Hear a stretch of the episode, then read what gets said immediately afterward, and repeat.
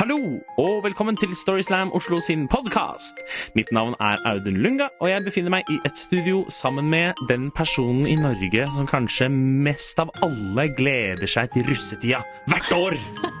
Nemlig Karoline Marie Enoksen. Ja, Hun liker Hei. fargene på bussene. jeg liker fargene på bussen, ja. ja. Det er små gleder. Hvor lenge er det siden du var russ, da? Elleve år. Elleve år, ja. Ja. Men like stas hvert år. Like gøy likevel. Vi skal høre to historier i denne podkasten. Eh, og den første av dem den ble fortalt på eh, et av våre livearrangementer på Kulturhuset i Oslo den 5. mars. Eh, og den andre historien vi skal høre, den ble fortalt på tilsvarende arrangement den 9. april. Ja, Ble det riktig? det ble så riktig. Eh, og så er det jo sånn, Audun, at det er veldig mange der ute som går med en liten sånn skuespillerdrøm i magen. Ja. Både der ute og her inne i studio kanskje Her også. inne, kjenner du deg igjen i det? Ja, jeg er ikke fullt så mye nå lenger, men uh, i gamle dager definitivt. Ikke sant? Mm. Ja. Men du, har du noen gang vært statist? Uh, nei, det kan jeg ikke huske. Jeg har vært uh, linselus i avisa, men jeg kan ikke huske å ha vært statist noen gang. Har du? Nei. Eh, ja. Ja. Jeg har en gang vært eh, statist i eh, liksom i introen eller vignetten til Asbjørn Brekke-show på, på TV nå. Ok, ja.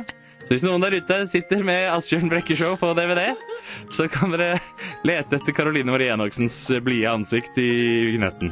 Jeg tror faktisk bare du ser ryggen min. Ja, da kan du lete etter den blide ryggen hennes. Ja. Ja. Det var noe av det mest intime jeg har delt i denne podkasten. Ja, tydeligvis. Du ble ordentlig, ordentlig rørt, holdt jeg på å si, eller beveget av Ja. denne historien. Det ble det. Men vi skal høre en fortelling, Audun. Og her kommer historien til Marlene Nøvik Stavrum.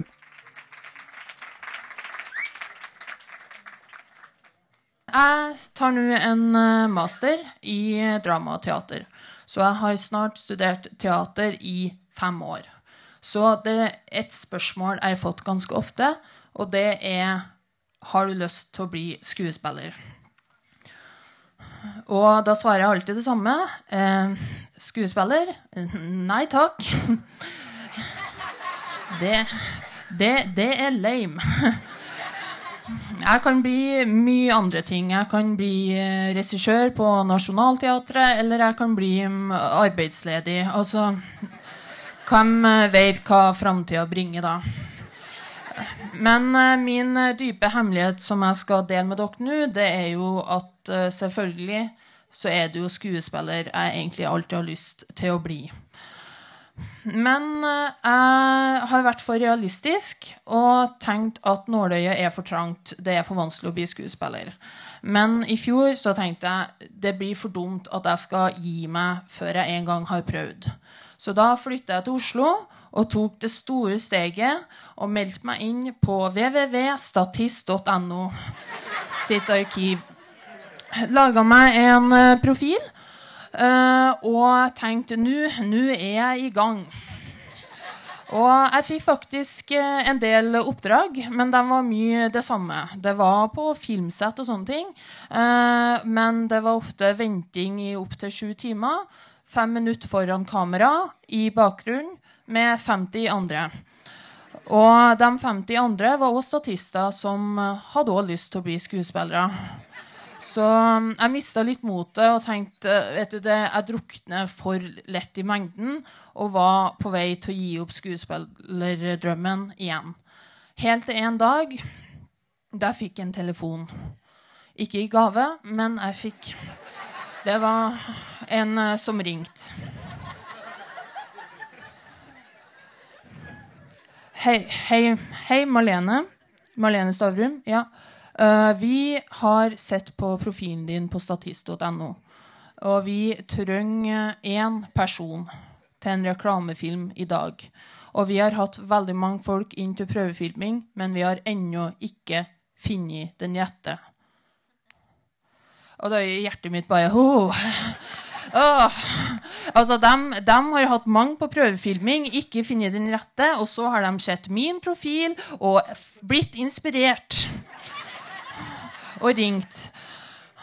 Og så sa jeg eh, Og jeg tenkte jo, jeg alene i en reklamefilm, altså det er jo en veldig bra start. Eksempel, bare se på Jenny Skavlan.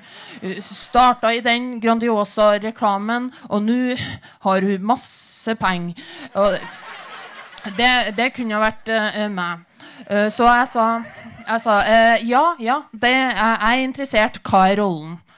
Og han sa eh, vi lager en iste-reklame for en ny iste, og vi trenger en person til å være håndmodell. Altså, vi skal bare filme hånda di. Men vi har hatt veldig mange inn i dag, men ingen har hatt fine nok hender. Kan du sende oss et bilde av hendene dine, og så skal vi prate litt og vurdere bildet ditt, og så ringer vi tilbake. Jeg tenkte eh, herre, herre rollen er min. Jeg skal, jeg skal ha den her. Og jeg tenkte, jeg tenkte, meg om og så vet du, Jeg har faktisk ganske fine hender. Og det, jeg har pynta dem i dag, dere ser det.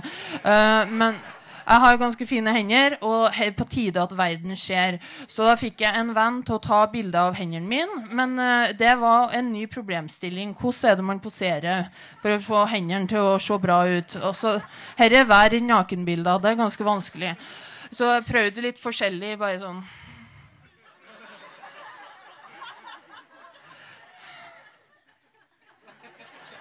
ja. Eh, etter sånn 30 bilder så ble jeg fornøyd, og så sendte jeg det. Og så satt jeg med mobilen i handa og venta på svar. Og Det begynte å ta noen minutter, og jeg begynte å freake ut og tenke hva i all verden er de sitter og diskuterer nå? Altså, Hva er det han kommer til å si da, hvis han ikke liker hendene mine? Bare sånn eh, 'Hallo, Malene. Hvordan våger du?' å sende så stygge, stygge bilder av de ekle hendene dine. Æsj! Du kommer aldri til å bli skuespiller, faktisk.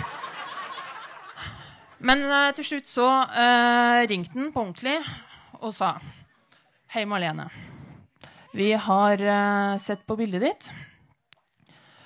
Og uh, de er fine nok. Yes! Det var endelig den bekreftelsen jeg tydeligvis har ventet på hele mitt liv. At jeg hadde fine nok hender. Og jeg kom til filmlokalet, og det var fancy, masse filmfolk.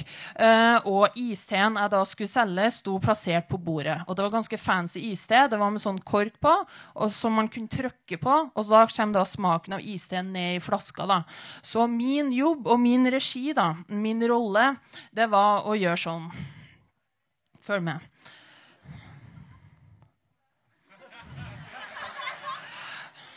Så ganske enkelt ut. Men det var det ikke.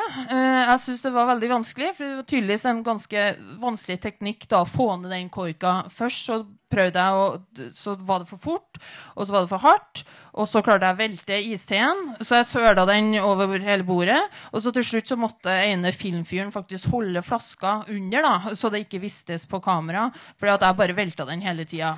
Og så sto jeg der og bare klikka og klikka, og de tok masse takes. Og så så de på de teipene de hadde tatt, og så snudde han ene seg til meg og sa Malene, tommelen din er for stygg.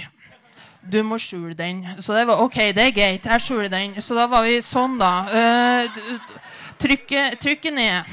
Og etter sånn ca. fire timer filming så var de fornøyd. Og det var jeg òg. Fordi jeg var nå en betalt håndmodell. Og jeg gleda meg til denne reklamefilmen skulle komme på TV.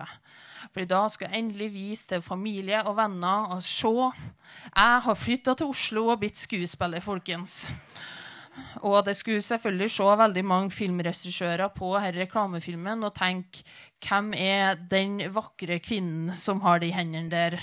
Hun må få rolle i vår neste film. Men uh, reklamen kom aldri på TV. Fordi den isteen, den var ikke særlig god. Så uh, har jeg blitt uh, skuespiller enda? Nei. Men hendene mine er fine nok. Bortsett fra tommelen. Takk.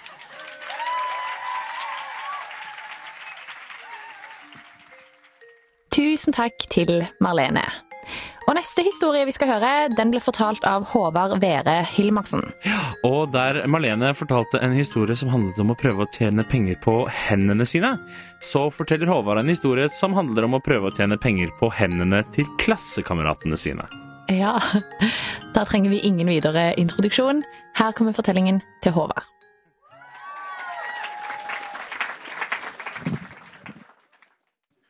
Jeg er født på 80-tallet. Det betyr at jeg fikk med alt det spennende som skjedde på 90-tallet. Magetopper, naglebelter, straffa til Kjetil Rekdal. Men et av høydepunktene for meg på 90-tallet, det var i 5. klasse, da min gode venn Sverre, som den første i klassen og den første vi visste om, fikk Internett. Oppkoblingslyden på modemet ønsket oss velkommen til en helt ny, uutforsket verden av porno. Vi må aldri glemme at tilgangen til porno var helt annen på 90-tallet enn hva den er i dag. Nå trenger man ikke lenger være heldig og komme over bæreposer med pornofilmer og pornoblader i skogen. I dag er pornoen tilgjengelig for alle. Bare noen tastetrykk unna på data, nettbrett og mobil. I praksis så går jo alle her rundt med tilgang til porno i bukselomma hver eneste dag. Men den gang, på 90-tallet, var pornoen forbeholdt de få. Og nå var vi, Sverre, jeg og en tredje kompis, Tom Erik, blant disse heldige få. Og der så gründeren i meg en mulighet. Fordi vi satt jo nå på noe som vi ikke visste noen andre hadde. Så hva om vi printer ut pornobilder og selger til gutta i klassen? Og det er jo en kjempeidé. Fordi det er jo et marked der. Det visste vi.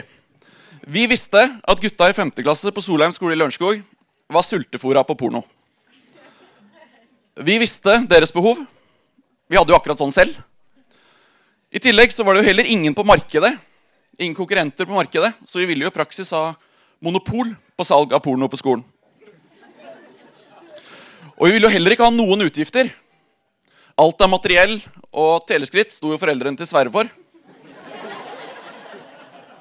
Vel uvitende om at de da finansierte produksjon av pornobilder for salg til 11-åringer. Stort marked, ingen konkurrenter, ingen utgifter, bare inntekter. Dette er jo ungt entreprenørskaps våte drøm. Og den ultimate ungdomsbedrift. Eller barnebedrift, da, som det strengt tatt egentlig var. Vi lanserte ideen på skolen neste dag og tok imot bestillinger. Fem kroner bikini, ti kroner naken, 15 kroner kjendis, tre for to. Selv uten smaksprøver fikk vi ti bestillinger. Og jeg nærmest kunne høre myntene falle opp i sparebøssa. Og det store Lego sjørøverskipet som jeg alltid har drømt om, virket nærmere enn noen gang.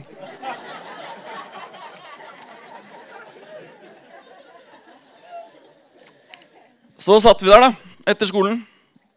Tre elleve år gamle gutter. Sverre, Tom Erik og jeg i loftstua til Sverre. Med skjermen vendt bort fra døra. Søkte opp og printet ut Huge Breasts, Pussy, Pamela Anderson Nude.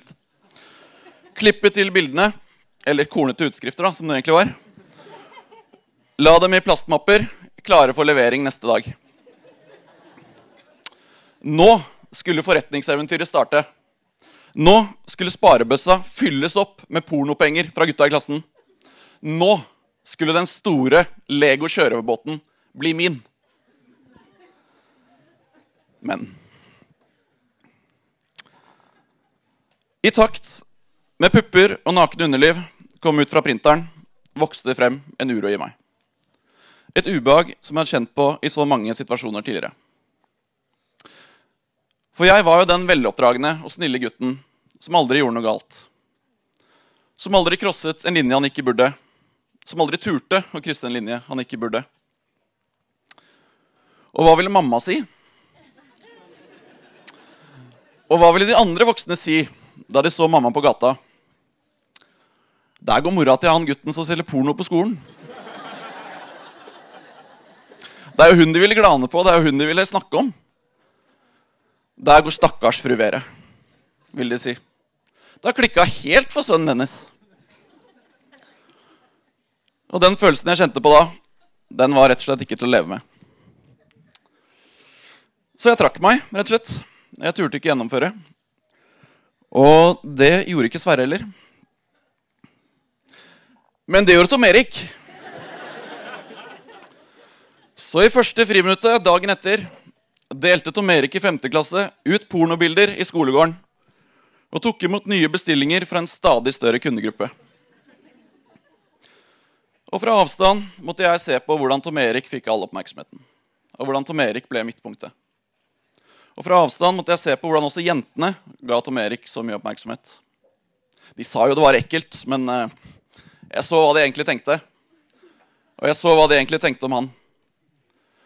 Og jeg kjente på den samme misunnelige følelsen som de fire andre medlemmene i NSYNC også kjenner på.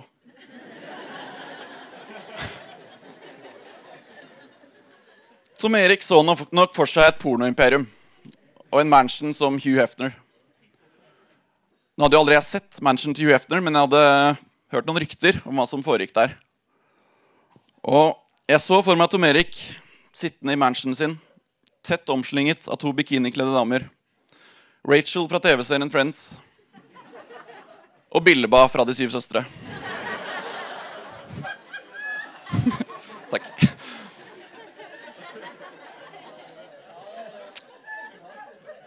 Men det ble med den dagen for Tom Erik også. Fordi ikke mange timene etter at dagen var over, fant moren til Daniel i klassen to særdeles uegnede bilder i sekken hans. Så Daniel la alle kortene på bordet. Eller det vil si et retusjert bilde av Pamela Andersen og et annet sett gigantiske pupper. Så det ble ikke noe forretningseventyr på verken Tom Erik eller noen av oss andre. Og jeg fikk aldri det Lego sjørøverskipet som jeg drømte om. Eller det vil si, akkurat det Lego sjørøverskipet, den drømmen, gikk i oppfyllelse litt over en måned senere. På selveste julaften. Da julenissen belønnet meg for nok et år trygt og godt på riktig side av loven. Men akkurat det året så var det veldig nære på.